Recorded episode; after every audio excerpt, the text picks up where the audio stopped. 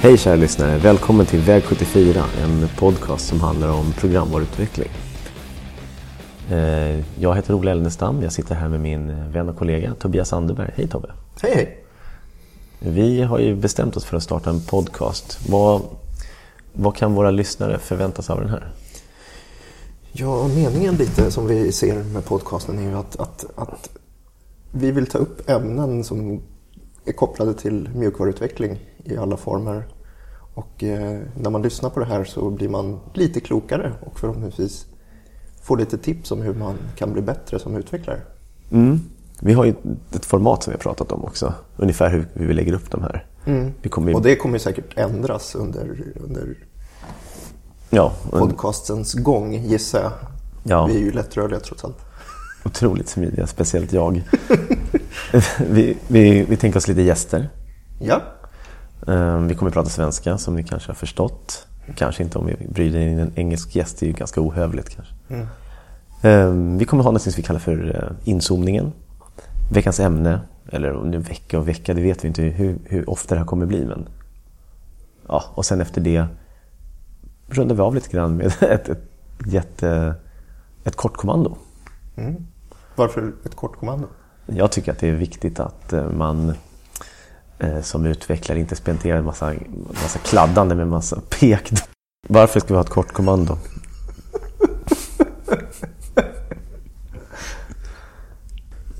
Jag tror att eh, ett, ett det är min idé det här med kortkommando. Jag vill att man spenderar tid med att hålla händerna på tangentbordet, inte hålla på och kladda med musen. Det är så jävla värdelöst att säga. Kortkommandot för varje program då, då, då tar vi helt enkelt någonting som... Och syftet med det är att man ska kunna spendera mer tid med att hålla fingrarna på tangentbordet. Och eh, det påminner mig om en... För att det är där man ska vara snabb. Det är där man det är där gör jobbet. Ja, det är där liksom, själva flaskhalsen är skrivandet. Nej, det är, inte, det är inte det det handlar om. Jag tror att om man...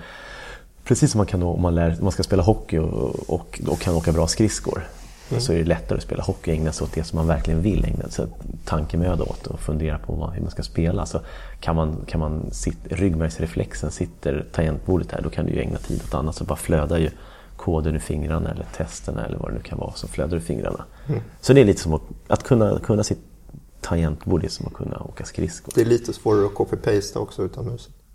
Mm. Och det kan vara en bra sak. Ja, just det. Ctrl-C, Ctrl-V. Det Men nu kanske vi kan hälsa i förväg. Jag vet inte, du förbereder ett kortkommando och jag och ett, eller hur? Mm. Ja. Men eh, någonstans så är program. Och längden på program, då, vad tänkte vi? Vi tänkte väl hålla det förhållandevis kort. Ett par timmar.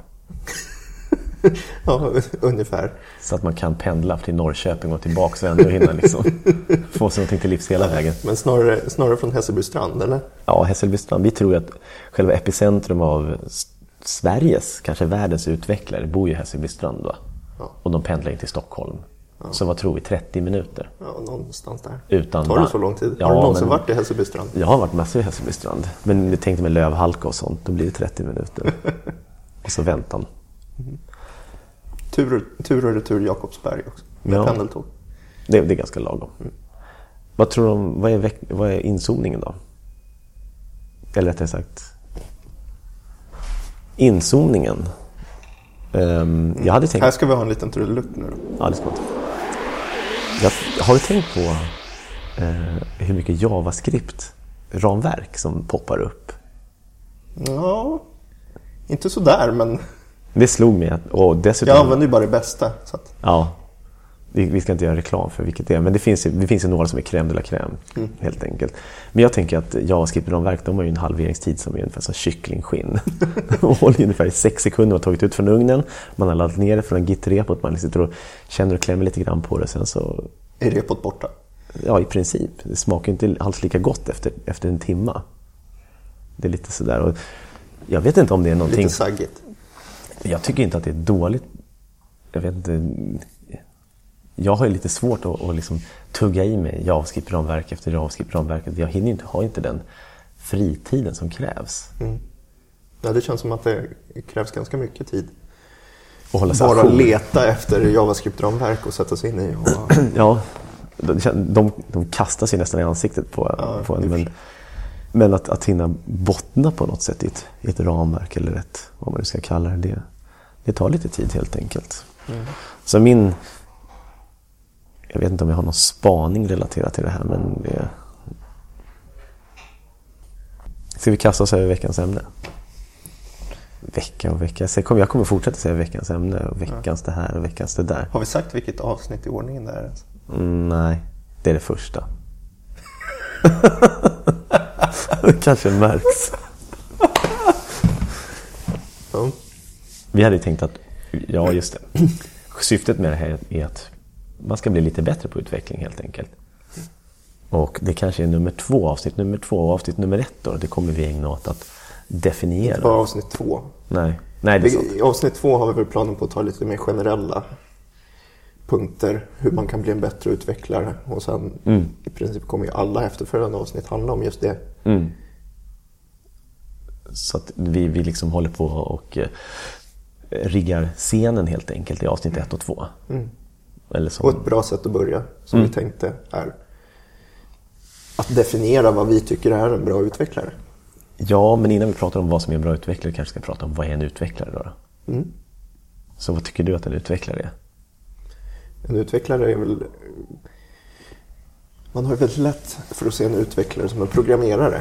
Men det är inte så vi vill se det. Nej, det är det inte. Och sen så tycker det är en svepande beskrivning så att säga som passar in på många och sen så är det några som inte vill bli stoppade i det här eh, facket, utvecklare har jag, har jag förstått. Jag träffade någon på en konferens och sa Jo men jag säger att jag är en utvecklare. Jo men du är programmerare. Jo men du kan också vara en utvecklare. Nej nej nej, jag är ju en... Och kommer inte ihåg vad vederbörande var. Om det var liksom en affärsanalytiker eller UXare eller testare. Så vad tycker du då? Är, är UX, UXare, är det en utvecklare? Jag tycker det är en utvecklare. Och en testare då? Det är väl en utvecklare det också? Eller? Projektledare då? Nej, Då hamnar vi i en gråzon kanske. då hamnar vi i en gråzon. Okej, så... Ja, så jag tycker Nej, men det är ju en person som ändå bidrar till utvecklingen men också. Inte det? Jo, jag tycker det. Jag tycker att vi... En, en, en, jag vet inte. En, en person jag, som vars huvudsakliga uppgift när man jobbar eller man ska säga, ägnar sig åt sitt värv är att bedriva mjukvaruutveckling i någon form eller underlätta den. Kan man säga att en receptionist då på ett företag är en utvecklare? Med den definitionen så blir ju Ja, det kanske är lite väl brett då. då. Men åtminstone gruppchefen. Mm, en utvecklare. Ja. Och det kanske är lite... I sådana fall så tycker jag vi ska snäva av det lite. Det är programmerare, kodapor, det är det. Nej, men Slut. punkt. Jag, jag, jag tror att våra lyssnare kanske förstår då att eh, vi menar inte enbart personer som sitter med fingrarna på tangentbordet och, och liksom daskar ut kod dagen ända. Nej. Nej. Så det skulle kunna vara en testare. Definitivt en testare tycker jag. Definitivt UX-are. En person som större delen av sin eh, arbetstid spenderar på att få ut en färdig produkt. Ja, precis. Det kan vara programmering, testning, skriptning, affärsanalys, grafisk formgivning, intervjua användare eller, eller någonting sånt. Ja, nej, men det tycker jag. Det får, får duga som definition. Vi Var det programmerar... en definition? Nej, det är inte en definition. Mer exempel. Ah, visst.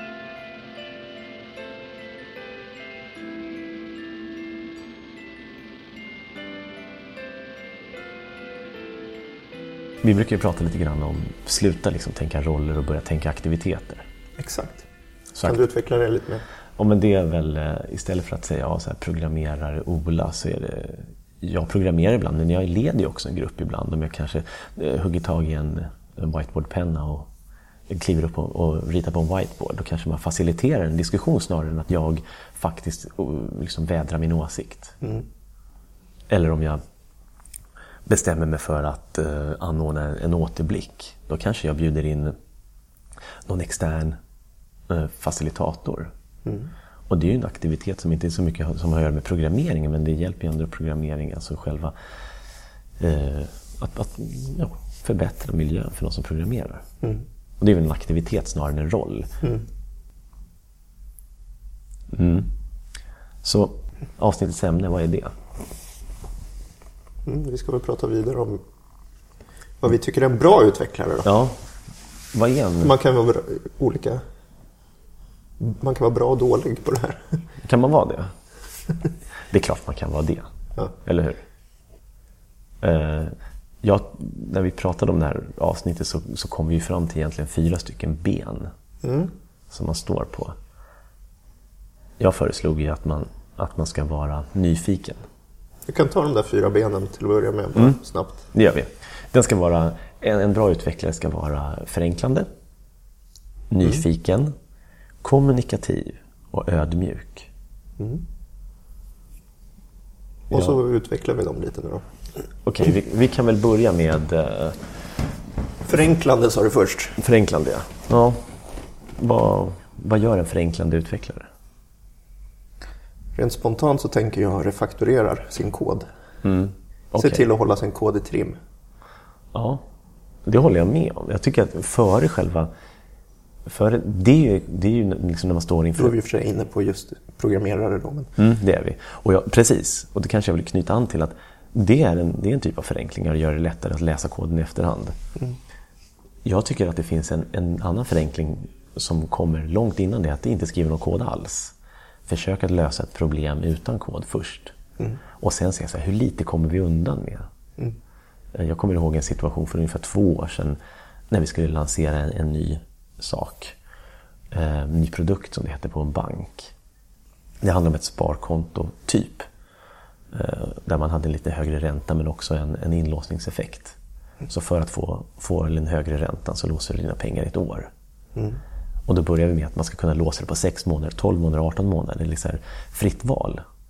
Men, men insåg vi snabbt att om vi låser till ett år hela tiden så har vi mycket, mycket lättare att hantera det här. Mm. Och he, ur, den kommunikation, ur den konversationen så följde att vi kunde skära skopet från, säga att det var x antal timmar så blev det en, en tiondel så mycket. Mm. Det är en typ av förenkling som jag gillar. Mm, absolut. Där kommer man in. Den bästa koden är den kod som aldrig skrivs. Ja, precis. Jag brukar säga att, att, att, eh, skriva, att, att bli med dataprogram det är som att bli med barn. Jaha. Det är, rättare sagt, det är den här ansvars... Mjukvaran skriker hela tiden. Mjukvaran skriker. Nej, men det är mycket mer det här ansvaret som, som man åtar sig. Att du måste ju se till att den här mjukvaran mår bra i tio år. Kanske lite längre då om du är ett barn. Men jag tror att man oftast bestämmer sig för att vi ska bli med mjukvara. Du och jag. Och sen så inser man efter sex år att det, här, det skriks jäkligt mycket på kvällarna. Så det är ett stort ansvar. Och därför ju, ju, ju mindre kod man har, desto, desto mindre problem blir det också. Mm. Tror jag. Jag tror att det är en del där, där är det nog det är många som inte inser det ansvaret. Nej. Man... Både bland de som skriver koden ja, visst. och de som beställer koden. Ja, visst. Jag känner ju ofta så att den här koden kommer ju leva mycket längre än vad jag hoppas på. Mm. Det tänker man ju inte då. Det här är det snyggaste som har skrivits. Undrar om det är samma sak. Vi har ju ett väldigt sånt där utvecklarperspektiv. Då, då. Programmerarperspektiv på utveckling så att säga. Mm. Undrar hur man tänker som, som UX. Mm. Det är lite intressant. Och det, jag har en... Det, den känslan man har är ju att UX är ju ganska slit och släng. Alltså att eh, mm. det är väldigt kort livat. Kanske det. Jag hörde en diskussion mellan två, eh, två en arkitekt och en eh, någon som jobbar med människor, jag minns inte vad det var, jag tror att de jobbar inom vården. Mm. Och då, då sa ju den här människan som jobbar inom vården, det här handlade om förändring och liksom hur länge saker och ting lever kvar. Då sa den här människan inom vården att ah, det är så himla svårt att jobba med människor. De, de är så motsträviga, det förändras hela tiden. Och, och då sa, var på arkitekten kontrade med att säga så här, jo, jo, men jag, jag har eh, så här, ritat arkitektur och för byggnader, de kommer stå kvar i hundra år och felen kommer skratta mig i ansiktet. Så det, finns, det är lite olika perspektiv där. Du har ju personer, jobbar med personer som är otroligt dynamiskt. Sen så har du ju ett, ett hårt materia då, eller vad ska säga, en, en arkitektur mm. som lever kvar i hundra år. Och då, mm. Då känner jag ändå att det, det är skönare med, med lite mer den här flyktiga, omformliga saken. På gott och ont. Då, men det, så att vi, vi, får väl bjuda in några UX-are som får mm, prata på det perspektivet. Definitivt. Så om vi kanske... Ska vi gå vidare till nyfikenhet? Jag vet inte om vi är klara med förenklande faktiskt. Vad vill du prata om då? då? Du tyckte att... Alltså jag säger att en lat, lat utvecklare är ju en bra utvecklare. Mm. Det har ju lite med förenkling att göra. Mm. Jag har ingen lust att... Du vill inte göra samma sak om och om och om igen? Nej. För det är ganska tråkigt. Det är, inte- ja, det är tråkigt. Det känns inte som väl investerad tid. Säg att du skriver en... Du vet det här exemplet när vi satt i ett projekt. Man skriver en, en typ av editor. Vi skulle ju skriva, jag kommer inte ihåg vad det landade i, sex, sju, åtta editorer för olika typer. Så här, variationer på en och samma sak. Sving, det är bra grejer. Ja, precis. Jag tror inte att, att swing anses, Java swing då anses vara, vad ska vi kalla det, Guds gåva till mänskligheten. Till utvecklaren. till, nej, precis, till programmeraren. Nej, men du, där kommer jag ihåg hur vi satt och kopierade, klippte och klistrade och sen ändrade lite saker. Det kändes ju helruttet. Sen hade vi automatiska tester också som också gjorde exakt. Så vi gjorde exakt samma. Precis, så dupliceringen var ju, var ju liksom total mellan de här två, tre, tolv editorerna som det blev till slut. Och därför tycker jag att den här lättjan, man kan tycka att ja, men jag har ingen lust att göra saker, men det är ju ganska... Man får ju, det får ju liksom vara någon form av holistiskt perspektiv på det hela. Ser du ur en större synvinkel att eh, vi, ska inte, vi ska inte göra samma sak om och om igen. Mm. Eh, och varför inte då? Jo, för att det blir jobbigt att underhålla i längden kanske. Mm. Det kommer man ju på automatisering och sånt där också, eller hur? Ja, jo, och jag tror ju För det är ju ett sätt att inte göra samma sak om och om igen. Man automatiserar det istället. man automatiserar sin testsvit till exempel. Mm. Och kan man, kan man automatisera programmering? Det kan man ju inte göra tycker jag då. då. Inte, Nej. på, inte på någon sån nivå. Du sa någonting tidigare som jag tyckte var bra, du, som handlade om just ehm, att om man gör samma sak om och om igen så lär man sig ingenting nytt. Nej, Och att det är någonting man kan, man kan ehm, leta lite efter. Att, att om man upptäcker att, att man ehm, gör samma sak igen så så lär man sig ingenting nytt. Kändes Jag kommer inte ihåg vad du sa. jag tror att vi pratade om, eh, var det avdelningen estimat? Och, eller? Nej, Nej. inte det. Nej, man, nej, jag kommer inte ihåg. Det här får vi klippa bort. Men det handlar ju också om alltså, förenklande.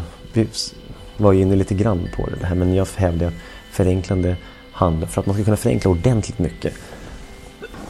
Det var, det var att, att, att ehm, man skulle ha en vilja att lära sig nya saker hela tiden. Om man känner att man inte lär sig nya saker så beror det förmodligen på att man håller på göra samma sak om och om igen. Mm. Ja, Och då är man inte tillräckligt lat. nej. Eller kanske, är det det som är den definitionen av lat som de flesta tänker sig? Bara sitta och typ peta på samma...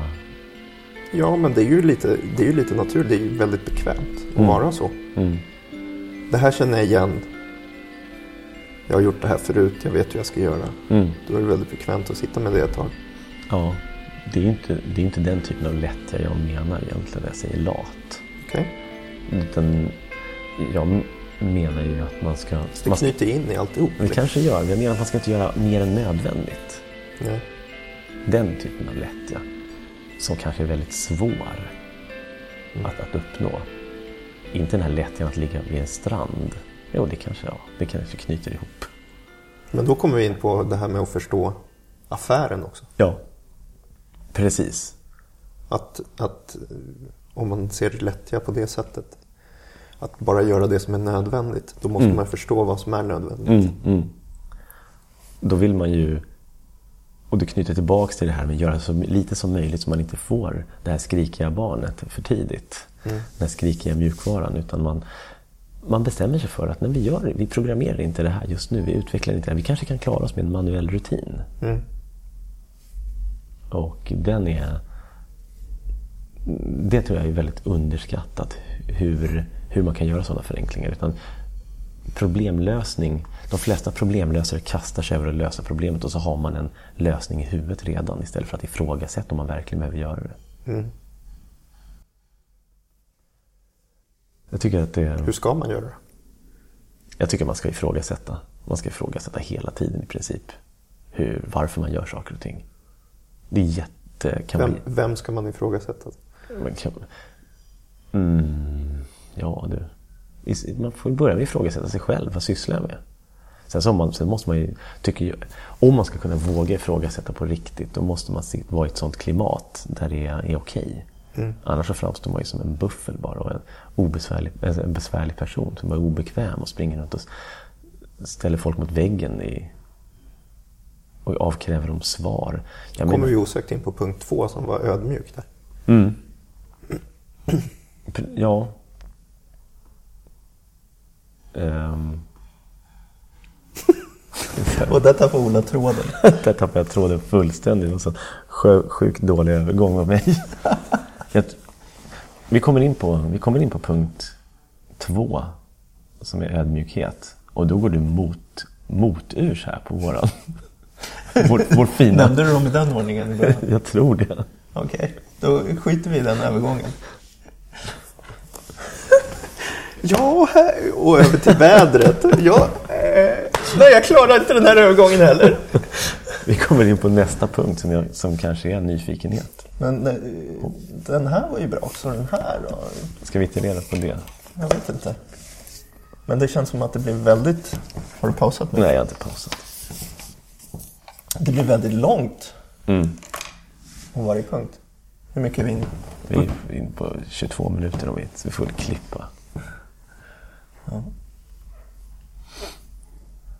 Ska vi vara lite mer snappy på de här eller? Nej, samtidigt är det ju huvudämnet så det är det som ska ta mest tid. Ja. Men då tycker jag vi traskar vidare på, på punkt Mm. två. vi kan dra om den där fina övergången. Nej. Nej. Ska vi... Nyfiken? Nyfikenhet, ja. Jag tycker att... Jag tycker att...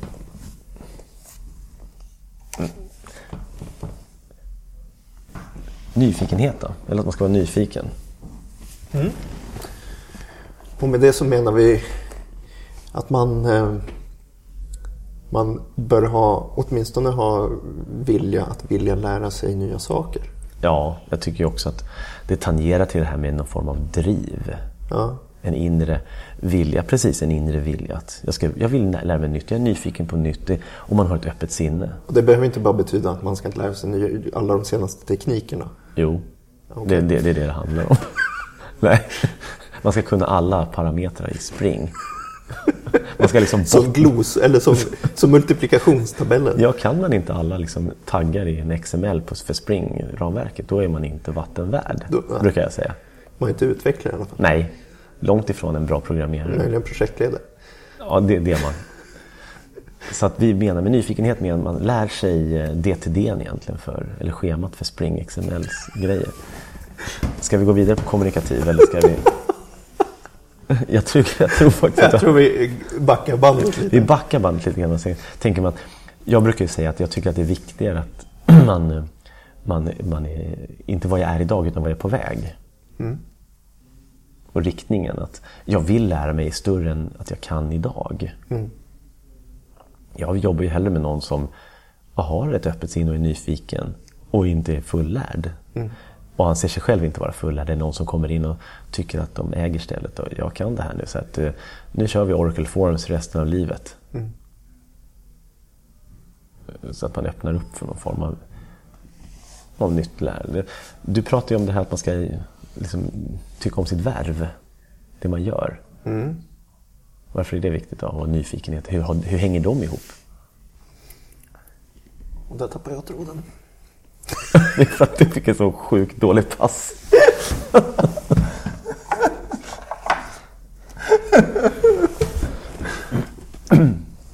kan man... Om man nu... Om man nu om man, säg, okej, säg att vi... Man är inte fullärd idag. Vad är det som, som driver en då? då? Kan man, kan man så här, bara jobba med programmering eller kan man bara jobba med test? Eller kan man gå till jobbet och sätta på sig sin UX-hatt och sen sitta hemma och inte vara UXare? Jag vet inte i specifika fallet UX-are återigen. Okej, då, programmering då, som ligger dig nära om hjärtat. Nej, det tror jag inte. Jag, Kan- tror att, jag tror att alla bra utvecklare är ju i grunden problemlösare. Liksom. Ja, det håller jag med om. Och det är ju lite samma typ av färdigheter som behövs för all form av problemlösning. Programmering är ju mångt och mycket problemlösning, anser jag. Mm. Mm. Ja, man kanske kan säga pro- problemlösning på en som makro och mikro eh. Först så här, vilket problem ska jag lösa? Hur kan jag lösa det optimalt? Och sen så zoomar man in lite grann och tittar på det här och upptäcker att ja, det finns lite finlir att göra. Mm. Och det, det, det går ju att lära sig saker på alla nivåer. Mm. Alltså bara sitta och grotta ner sig i kod och, och så kan man ju hela tiden liksom, okej hur skriver jag den här kodsnutten på ett bättre sätt? Ja. Liksom. Det var ju mycket så du och jag började. Absolut. Vi var ju väldigt nyfikna. Första gången vi satt i projekt tillsammans. Mm. Jag Kom- kommer ihåg vi hade eh, kollegan Joakim på Hotline. Ja, just det. Ja. Så fort vi stötte på patrull så Jocke, vi har det här problemet. Hur löser vi det? ja. Hur, hur, man, hur ska man göra så här, det här? Det finns ju ingen patenterad lösning men att man vill hela tiden ta in liksom ett... Titta på så här, okej, hur skulle man kunna göra det här? Och jag tror att själva lärandet kommer ju inte i när man läser om något eller hör om något utan det kommer ju i när teorin möter verkligheten. Och sen så måste du ju göra det om och om och om igen. Och det är väl där nyfikenheten kommer in. Så här, vad händer om jag gör så här? Och det är inte alltid man vågar eh, göra saker och ting. Nej. För att det inte är en säker miljö. Nej, det är ju väldigt viktigt. Man måste ha en... Då kommer vi in lite på gruppdynamik och sådär. Man måste ha en miljö där man får göra fel. Där taket är högt. Mm. Ja, och, och, och jag hävdar att den här gruppmiljön där, där man får det här höga taket, den kommer ju från en fungi, väl fungerande kommunikation. Vilket gör att då glider vi in på, på liksom det, det tredje benet här. Och att vara kommunikativ. Ja. Och, och, och liksom lyckas man inte ens där, Det är nästan en av de viktigaste punkterna tycker jag. Ja, jag, någonstans, jag kommer, det är också från den här episoden när du och jag började lära känna varandra och programmera tillsammans. Att jag kände att jag hade så himla mycket som jag ville berätta och jag tyckte att det här var så, det var så mycket saker som, som var, var snett med, med hur andra programmerar. Jag hade ju en bestämd åsikt såklart om hur jag tyckte att det skulle vara. Och den var ju liksom mycket bättre än alla andras. Det kan man ju diskutera idag, hur, hur bra den var, stå, hur väl den har stått sig. Så att, men, men då kände jag att alltså, om jag ska komma någon vart med någonstans här med programmering i livet. Ja, jag måste fokusera på, på den, de, det som brukar kallas för de mjuka sidorna, mjuka aspekterna och kommunikation framför allt. Så då, jag övergav ju inte att lära mig ny, ny programmering men jag kände att jag, nu ska jag fokusera på, på att bli en bättre kommunikatör. Och jag tror att jag hade mycket utav det. Jag tror att jag, att jag växte som, som utvecklare under den.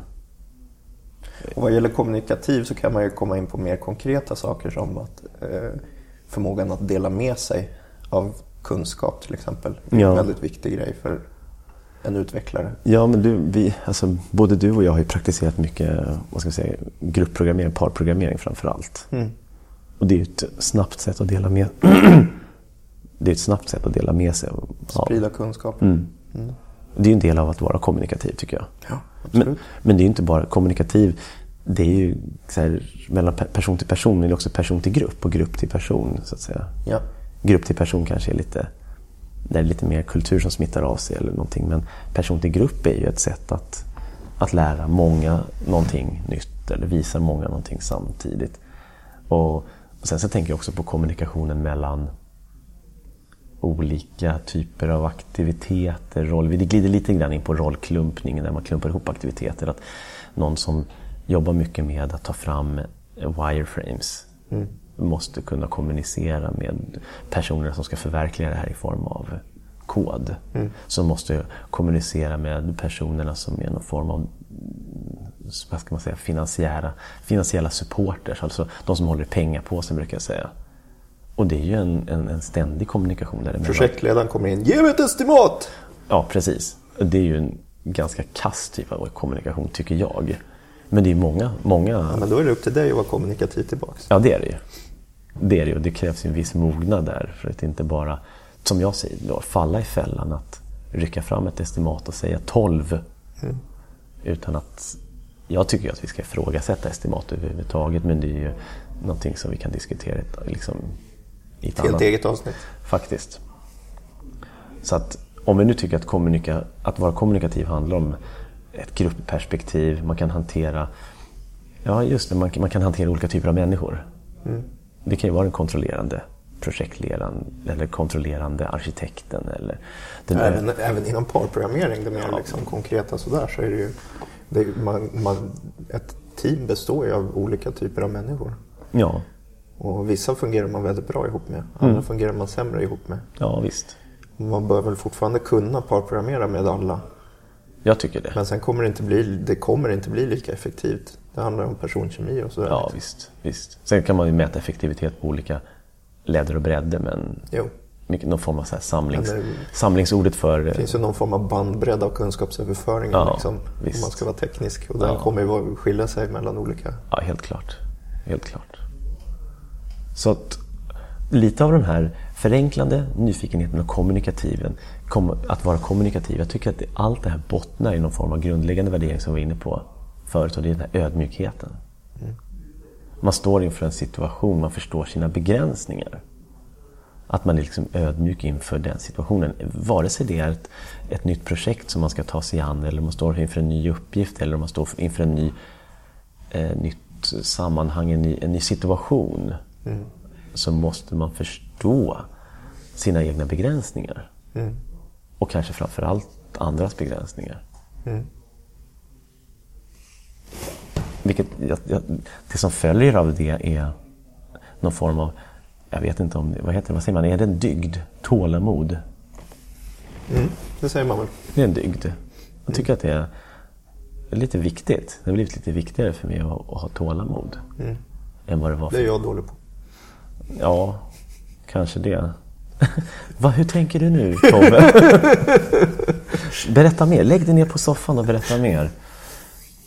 Jag vet inte. Ibland är det den här spontaniteten vet jag att jag tycker om hos dig. Eh, och det kanske ty du tycker är som en avsaknad av tålamod. Det är ju det är lite grann på perspektiv och humör. Mm. Ibland kan, kan man ju tycka att vissa personer har ju ingen som helst tålamod. Mm. Men ibland kan man också uppskatta dem för att de, eh, de också är lite sådär driftiga. Mm. Så att det finns väl en balans. Mm. Och det, det, är det jag menar med den här ödmjukheten. Att man, att man förstår hur man, hur man själv är. Mm. Hur man uppfattas. Mm. Och, och av det följer också en av mina, mina, mina nya favoritord som är liksom följsam. Mm. Jag tycker att man pratar om... Det är nästan samma sak som lättrörlig. Det är det ju. Men jag tycker följsam är ett mycket mer... Eller agil. Agil, eller nu ska vi slänga ut... Eh, nu ska vi inte vara agile längre, nu är det agility som gäller. Så, och nu för, nu för mig så är det följsamhet som gäller. får, vi, får vi döpa om företaget också? Ja, följsam i Kall, där vi båda jobbar. ja, det tycker jag. Vi pratar ju också om att den här säkerheten som finns, alltså en, en säker miljö. Mm. En säker miljö är någon, en miljö där man... Där man inte får strömstötar av datorerna? Det, är det så du menar? Eller? Det är det jag menar. Ja. Eller också en, en miljö där, där man hanterar misstag. Mm. Utfall. Som, man, man förväntar sig någonting så händer någonting annat. Mm. Vissa kallar det för buggar, mm. vissa kallar det för misstag, vissa kallar det för learning opportunities. Mm. Där är det väldigt lätt att gå i försvarsställning. Mm. Och man blir, känner sig kritiserad för sin... Man har, väldigt, man har väldigt nära till att känna sig kritiserad. Vad, vad menar du nu? Är du... Nu tycker jag att du bara svamlar. har jag sagt något fel? Nej, det, så är det ju. Men har du tänkt på hur skönt det är när någon bara säger att liksom, lugnt, nu kör vi på så här. Eller typ så här, high five, det där var ju riktigt roligt att det välte kaffe över hela tangentbordet. Eller här, vad, vad föredrar man? Så här, slag i bakhuvudet när någon säger pucko? Eller när någon säger liksom, typ, i stil med så här, gaska upp det, det där var väl ingenting. Skulle sett min farbror när han körde yxan i hunden. ja, det är ju bättre faktiskt. Ja, synd om hund, mer synd om hunden men mm. än tangentbordet. Ja, det är det. Um... Det var väl Något egentligen, Jag, det var något jag skulle säga. eh, Där. det var något så jätteviktigt. Ja, förmodligen. Ja. Förmodligen var det det som liksom gjorde hela avsnittet. Ja, det, vi har missat, jag snackade bort höjdpunkten. Det är inget ovanligt för all del. Är det, ska vi sammanfatta Vi måste ha en sammanfattning. Ja. Hur sammanfattar vi det här? Jag tror att vi kort och gott så är det väl så att här, den här braiga utvecklaren då, då personen som ägnar sig åt aktivitet som har med utveckling att göra ska vara förenklande, nyfiken, kommunikativ och ödmjuk. Jag tror att det här gäller, liksom, det finns några aspekter som gäller över hela de här, alla, alla de här fyra. Det är att det här ska innefatta att man förstår tekniken, man förstår vilka människor man jobbar med, man förstår vilken process man använder och framförallt så förstår man varför man gör allt det här, i liksom affärsvärdet i det hela. Nu säger inte jag att man ska fokusera på pengar utan om vi fokuserar på att leverera någonting som någon annan gillar så följer ekonomin av det. Men jag, jag tycker kort och gott att de här fyra grundbultarna är någonting som...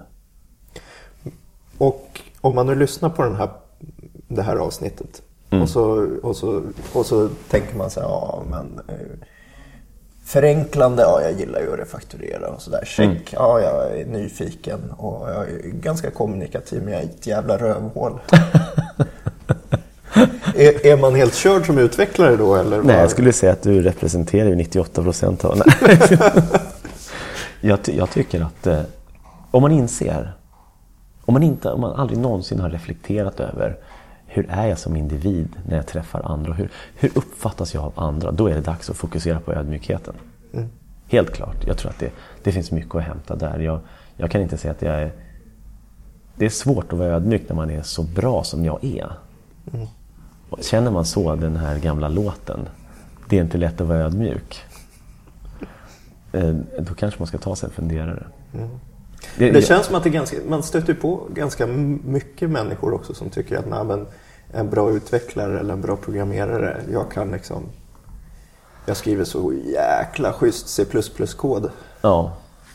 ja, jag vet inte. Om Det man, räcker. Liksom. Ja, det- Jag sitter här på min kammare och skriver den här koden. Ja, då är vi där med egentligen det här med gruppperspektiv som kanske aldrig bottnade i riktigt. Men jag hävdar att eh, programvaruutveckling, mjukvaruutveckling är någonting som, som sker i grupp. Alltså, i- sker det inte i grupp då behöver du inte bry dig om någonting av det här, nyfikenheten eller någonting. Då håller du väl på med någonting som du, ja tjänar du pengar på det så fine, kör hårt på det. Men ska du, det jag pratar om nu det är, är utveckling i grupp. Och då behöver du fundera på dina liksom, skills som hur du hanterar personer. Relationerna är viktiga, tokviktiga där tycker jag. Och om man knyter an igen till det där vi började med, att, Mm. att vi räknar med att det här är någonting som kommer leva länge. Ja, Då kommer förmodligen inte du att sitta där hela tiden, utan det kommer komma folk efter dig. nej just det. Precis, att jag behöver kommunicera väl över tid. Ja, ja, det här är också en klassiker, att man skriver en kodsnutt och sen så tittar man tillbaks på den ett halvår senare. Och så undrar man vad är det för idiot som Kla- skrivit det. klassikern tror jag, från vår kollega Danne, Precis. som dagen efter kommer till, morgonen, på morgonen kommer till jobbet och säger Vem fan har skrivit den här skitkoden? Och kollar i Git-loggen och inser att det är han själv som skrev den dagen innan. Ja visst, den är rätt eh, ödmjukande kanske. Jag har en, en, gammal, en gammal vän som inte jag har träffat på väldigt länge som, jag, som tycker är själva, han förkroppsligar ödmjukhet på något sätt. Jag sa till honom någon gång, Jonny, du är ju den, du är den mest ödmjuka person jag känner. Varpå han säger, ja, jag vet inte, jag, så ödmjuk är jag faktiskt inte. Det är en otroligt härlig människa. Som, som jag tycker lite grann får, får sammanfatta hur jag tycker att den, hur jag tycker man ska behandla sig, sig själv och sina medmänniskor. Och väldigt avslappnad syn på livet dessutom.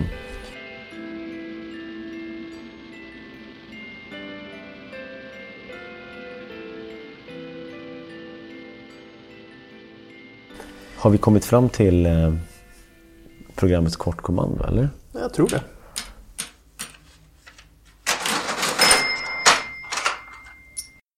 Du har ju ryckt fram ett, men jag tänkte jag skulle börja med, med ett kortkommando som jag tycker är lite roligt för att det var någonting som satt i ryggraden när vi träffades och så satt vi och programmerade och sen så, så tryckte jag, gjorde jag någonting på tangentbordet och du bara ”Hallå där Ola, vad gjorde du nu?”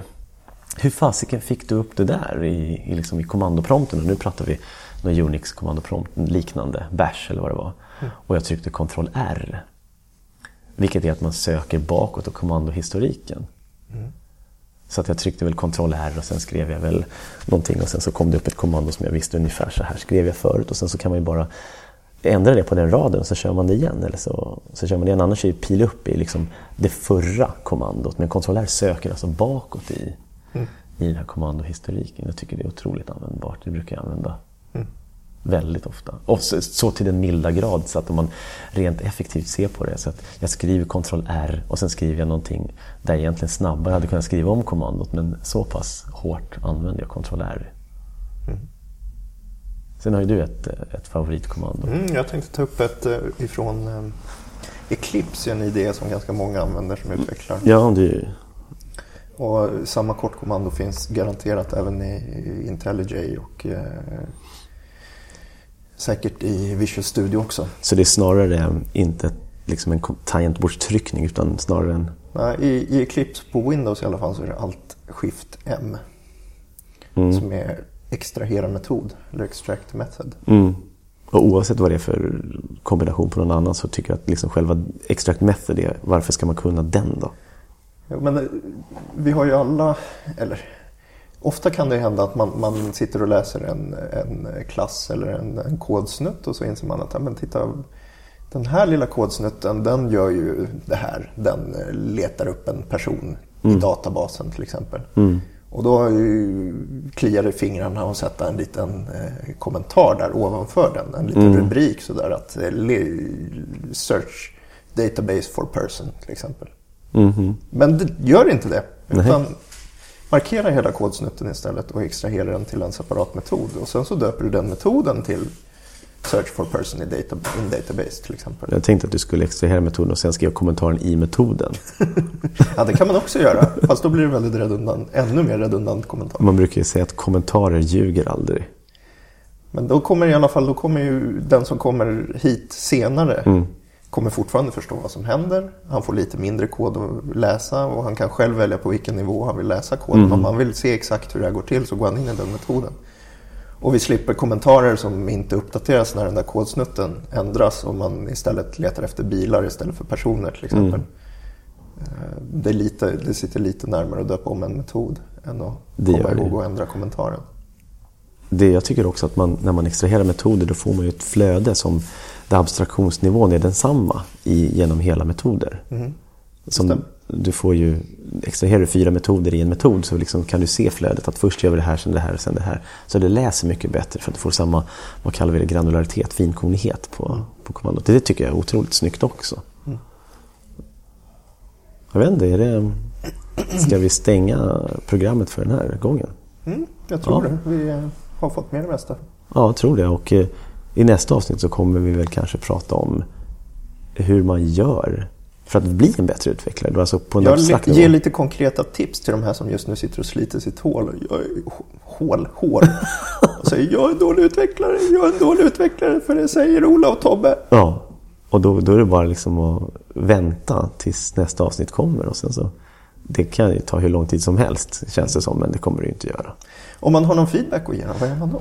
Ja, om man tycker liksom att Ola han harklar sig hela tiden eller eller det här. Eller om man vill prata om något ämne eller så här, tips om något ämne eller bara ha feedback i allra största allmänhet. Då, då mejlar man ju till oss. Mm. Och var gör man det? På det gör man adress? på podd.agical.se.